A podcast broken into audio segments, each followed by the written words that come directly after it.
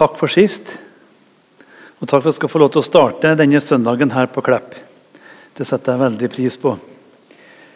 Så har jeg fått et stort tema som kunne ha stoff for mange timer. Og vi må ta bare en liten bit. Men jeg håper at vi kan berøre det viktigste som har med bønn og forhold til Gud å gjøre. For en tre-fire uker siden så var jeg på leit etter ei bok hjemme. En bok som heter 'Jeg tror på en hellig ånd'. Den fant jeg ikke i farten, men jeg fant en annen bok av samme forfatter. 'Et rikere liv med Gud'. Det er Fredrik Wisløff som skrev den på 50-tallet. og Boka kjøpte jeg for 30 år siden. Jeg har ikke lest den. Det traff meg. Et rikere liv med Gud. Det ene var jo tittelen. Når jeg åpna og begynte å lese, så gikk det rett inn. For det er jo det det handler om. Er det noen her som har et akvarie hjemme? Ingen? Dere vet hva det er? Hva skjer hvis man tar fisken ut av akvariet og har det i en annen beholder? Det ser jo likt ut. Det er vann. Sannsynligvis får den kort levetid. For den må være i det rette element for å vokse og utvikle seg. Vår sjel er som en utørstelig svamp som må ha næring. Men pga. syndefallet er den feil innstilt, slik at den tar til seg negative, destruktive ting. Kampen for oss er å få være i det element hvor vi kan vokse som kristne. Skal vi be. Kjære Far og Frelser, takk for denne fine søndagen og den store flokken som er samla her. Kan du la oss få kjenne på ditt nærvær der du møter oss personlig i den fase vi er i livet. Amen. Når vi skal beskrive eller definere bønn, så har jeg rett og slett lyst til å bruke noen ord av uh, Ole Hallesby. For Han sier det veldig treffende. Der siterer jeg en, litt fra hans bok 'Fra bønnens verden'. Den luft sjelen trenger, omgir oss alle. Til alle tider og på alle kanter. Gud omgir oss i Kristus på alle sider med sin mangeartede og helt tilstrekkelige nåde. Vi behøver bare å åpne sjelen. Og nå er bønnen sjelens åndedrett. Det organ som slipper Kristus inn i vår visne og tørre sjel. Og Han skriver videre å be er å lukke Jesus inn. Han sier altså Jesus om noen åpner døren, da vil han gå inn. Merk nøye hvert ord her. Det er ikke vår bønn som trekker Jesus inn i sjelen. Det er heller ikke vår bønn som beveger Jesus til å gå inn hos oss. Han behøver bare adgang. Så går han selv inn. For han vil inn, og han går inn overalt hvor han ikke kan nektes adgang. Som luften stille, går stille inn når vi puster og gjør sin regelmessige gjerning i lungene våre. Slik går Jesus stille inn i våre hjerter og gjør sin gjerning der inne. Egentlig så kunne vi ha stansa her. Og så kunne vi ha sittet i ettertanke etter disse ting. For ut ifra det her så skjønner vi at et kristenliv kan ikke leves uten bønn. Uten bønn blir vi kristelige. Men med et bønneliv så blir vi kristne som får leve sammen med Jesus. Når eh, disiplene og Jesus starta sin offentlige virksomhet, så holdt han en tale som vi kaller for bergpreka. Og Hvis du leser de tre kapitlene i Matteus fra 5 til 7, og legger merke til hva som står der, så er det faktisk slik at det er bønn som han vil gi mest virksomhet. For det var så grunnleggende for disiplene å lære det her. Og Vi leser fra Matteus 6, vers 6. Men du, når du ber, da gå inn i ditt lønnkammer og lukk din dør, og be til din far som er i lønndom. Og din far som ser i det skjulte, skal lønne deg i det åpenbare. Når dere ber, skal dere ikke ramse opp mange ord som hedningene. For de tror at det blir bønnhørt når de bruker mange ord. Og så lærer Jesus disiplene å be. Og hva gjør han da? Jo, han gir dem Fader vår. Verdens beste bønn. Verdens mest bedte bønn. Den inneholder alt vi trenger i livet for både menneskelig og åndelig art og område. Så minner Jesus disiplene om flere løfter. Matteus 7,7. Be, så skal dere få. Let, så skal dere finne. Bank på, så skal det bli lukket opp for dere. For hver den som ber, han får. Den som leter, han finner. Og den som banker på, skal det bli lukket opp for. Det var altså grunnleggende ting for Jesu disipler. Og hvorfor er det så viktig? Jo, fordi at vårt kristenliv det handler om åndskamp. Vi har en Gud og Far som har skapt oss, som har kjøpt oss, og som er på leiting og har funnet oss. Men det er kamp om å bli der hos Han. Denne åndskampen tror jeg vi lett glemme i vår hverdag.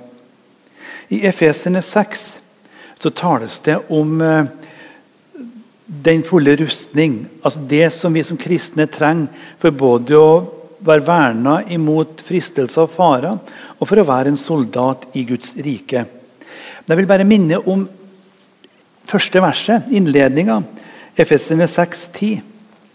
Der står det slik Bli sterke i Herren og i Hans veldige kraft. Og så vil jeg minne vers 18, som kommer etter at disse detaljene i rustninga er beskrevet. Første del. Be til enhver tid i Ånden med all bønn og påkallelse. Uten bønneliv blir soldaten en tinnsoldat. Med bønneliv blir en farlig Guds rike. Ikke farlig for Guds rike, men for sjelefienden. Her er det den hjelpeløse som kommer til den sterke og til den sterkeste. I forhold til Satans angrep er vi som et løvblad, vistent løvblad i høststormene. Har ikke kraft til å stå imot. Derfor trenger vi en å gå til. Jeg vil bare kort minne om Da Satan frista Jesus, så var det fire forskjellige ting Jesus svarte med. Matteus 4, 4. Det står skrevet Mennesket lever ikke av brød alene, men av hvert ord som går ut av Guds munn. Altså Guds ord. Grunnleggende. Det andre, vers 7. Men det står også skrevet Du skal ikke friste Herren din Gud. Og hva hadde Satan gjort da? Jo, han hadde brukt Guds ord, men litt feil. For å avspore Jesus. Det er farlig å begynne å fuske med Guds ord. Og det tredje, vers 10. Da sa Jesus til ham, bort fra med Satan, for det står skrevet, Herren din Gud skal du tilbe, og ham alene skal du tjene. Tilbe bønn. Jesus den syndfrie sa det til Satan. Og Da skjønner vi hvor viktig det er i våre liv. Og så kan vi spørre hvorfor er det da sånn en kamp rundt det her? Det er jo det vanskeligste i kristenlivet. Det er det som er lettest å nedprioritere. Jo, fordi at vi har en sjelefiende som vil ha oss ufarlige. Men her er det vi finner veien til et rikere liv med Gud. Jakob 4,2, der sier Jakob det slik Dere begjærer, men har ikke. Dere slår i hjel og misunner, men kan ikke få. Dere ligger i strid og ufred. Og så står det Dere har ikke fordi dere ikke ber. Så har jeg lyst til å minne oss om, for det andre Bønn er vår respons på det Gud gjør i våre liv. Det er ikke et menneskepåfunn. Noe vi gjør for at Gud skal få interesse for oss. Og Drar du rundt i verden, så finner du bønn i en eller annen form i alle religioner. Fordi det er nedlagt i oss mennesker, en rest fra tilstand før syndefallet. Vi må ha noen å tilbe. Men krisen for de fleste er jo at det er ikke Gud de tilber. Det er ikke Jesus de har funnet. Den tilbyr helt andre ting. Jeg var i Kenya i 1997 og fikk se arbeidet som Misjonssambandet driver. Og I Pokot nord i Kenya fortalte misjonærene de peker på et fjell. Her er folkets avgud. Det her er det mektigste folket kjenner. Det ber de til. Men hva hjelp fikk de? Vi lengter etter kontakt med vår skaper og far. Salmen 143, 6. Jeg rekker ut mine hender til deg. Min sjel lengter etter deg, som et utørket land tørster etter regn. I Matteus 14, 30 leser vi om Peter. Men da han så det veldige uværet, ble han redd og begynte å synke. Da ropte han, 'Herre, frels meg'. Altså Det første Jeg vil ta med én ting til. Bartimeus utenfor Jeriko. Når han hørte masse folk kom, og det ble sagt at det er Jesus som er her, da roper han ut 'Herre, frels meg'. Da var det sjansen til gudsnærvær gjennom Jesus. Den salmen jeg siterte fra, det er trangen etter kontakt med vår frelser og far. Og det siste et uttrykk for nød. Og Det er jo egentlig nød som skaper bønn. Og det skjer jo når Gud arbeider med oss. Så må vi si litt kort om forbønn. Der vil jeg også sitere litt fra Ole Hallesby. Så ofte vi rør, rører ved denne allmakts arm, strømmer noe av Hans allmakt over oss, i vår sjel og vårt legeme. Og ikke bare det, men gjennom oss strømmer det ut til andre. Og denne kraft er så rik og bevegelig at vi under vår bønn bare behøver å peke på de personer eller ting hvor vi ønsker at kraften skal anvendes. Så dirigerer Han som er kraftens herre, den rette kraft dit i samme stund. Og Nå har jeg skrevet eh, for mange tiår siden, og i det siste vi skal lese. Denne kraften er nemlig helt uavhengig av tid og avstand.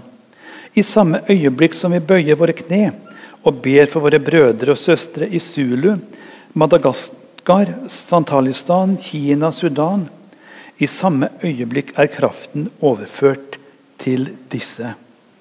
Her er en trådløs kraftsoverføring overgår den dristigste oppfinners drømmer. Det var med teknologien på 30-40-tallet. Skjønner du poenget? Vi kan dirigere Guds kraft i vår bønn. Og Da trenger vi det her, i Fokus hverdagsmenighet. Du trenger det i ditt liv. Og jeg trenger det i mitt liv. Når vi ber for hverandre, gjør vi det ut ifra omsorg. Og Det er selvsagt naturlig at vi ber for våre nærmeste i heim og familie. For de unge som vokser opp, for venner, våre arbeidskamerater eller mennesker som er lagt på oss. Kanskje er du her i dag som ber for noen som ikke er kristne, og det ligger tungt innover deg. Det var en som sa det slik en gang. Den korteste veien mellom to mennesker er veien om Gud.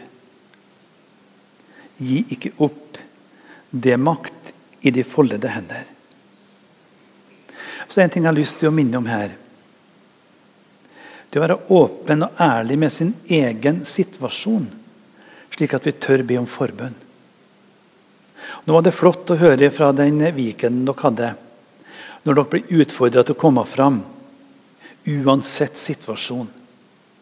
Og Det burde jo være det normale, for det er godt å bli bedt for oss om vi har det godt i livet. Og Selv om kanskje dere føler dere litt beklemt når dere gikk fram, så tror jeg det var en god opplevelse. der. Så syns jeg det er flott her når eh, det er anledning til forbund og møte er ferdig. Det er ikke alle forsamlinger som har organisert det der. Vær frimodig.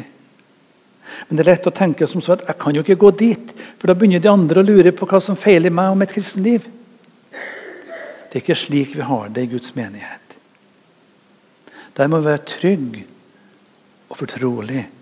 Og om noen går, så spekulerer ikke vi andre i hvorfor. Vi takker heller Gud for at det var noe som søkte hjelp og trengte hjelp. Fortsett med det der. Jeg har lyst til å si la oss, være, la oss kaste maska. La oss være ærlige med oss sjøl.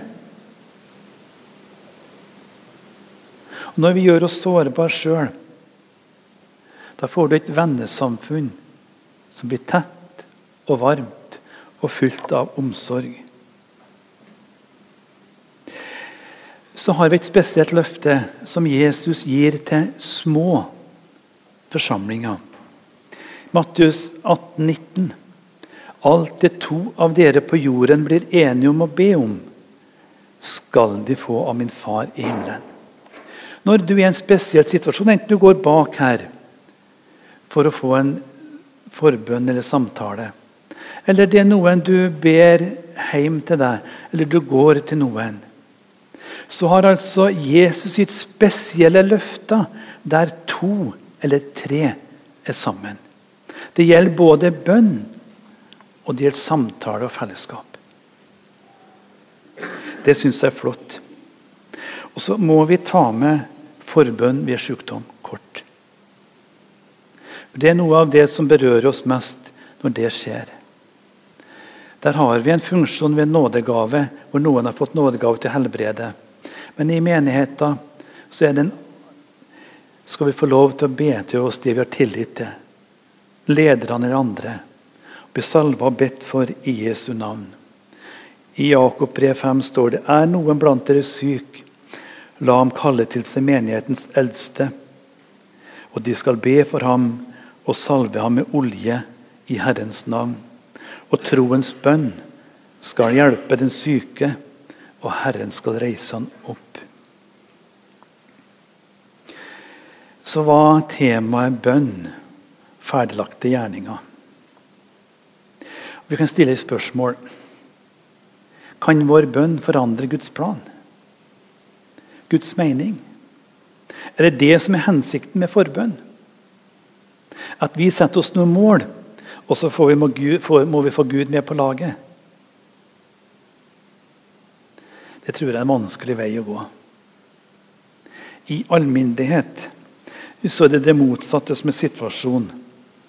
Det er Gud som ønsker å få deg med på hans plan og vilje. At vi skal se våre behov, vår nød, og at han får gi oss den hjelp han ser vi trenger. Men Det er sterke løfter knytta til bønn. Johannes 14, 13. Og hva som helst dere ber om i mitt navn, skal jeg gjøre? Og Jeg nevnte Fader vår. Hva bærer vi der? Skje din vilje. Den er sterk. Og svarer Gud oss på den bønnen, så er det ikke sikkert at eh, det blir som vi tenkte. Men Gud svarer alltid. Og hans svar er det beste.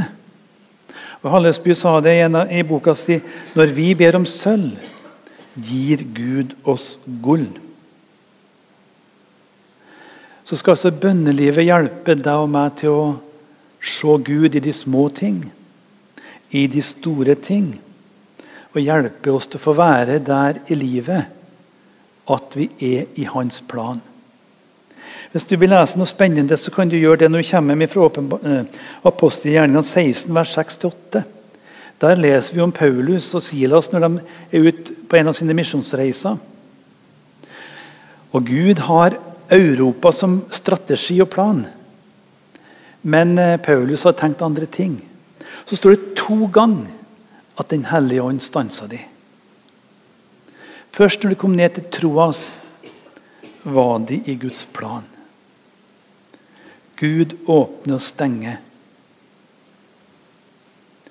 I en sang så synger vi slik Gud har en plan med ditt liv. Han tenkte så kjærlige tanker. For han har deg så inderlig kjær. Hans hjarta, så varmt for deg bankar. I en annen sang så står det slik Jeg har så lun en hytte her i mitt stille sinn og aldri vil jeg bytte bort himmelvennen min. Vi bor fortrolig sammen. Vi tanker veksler her.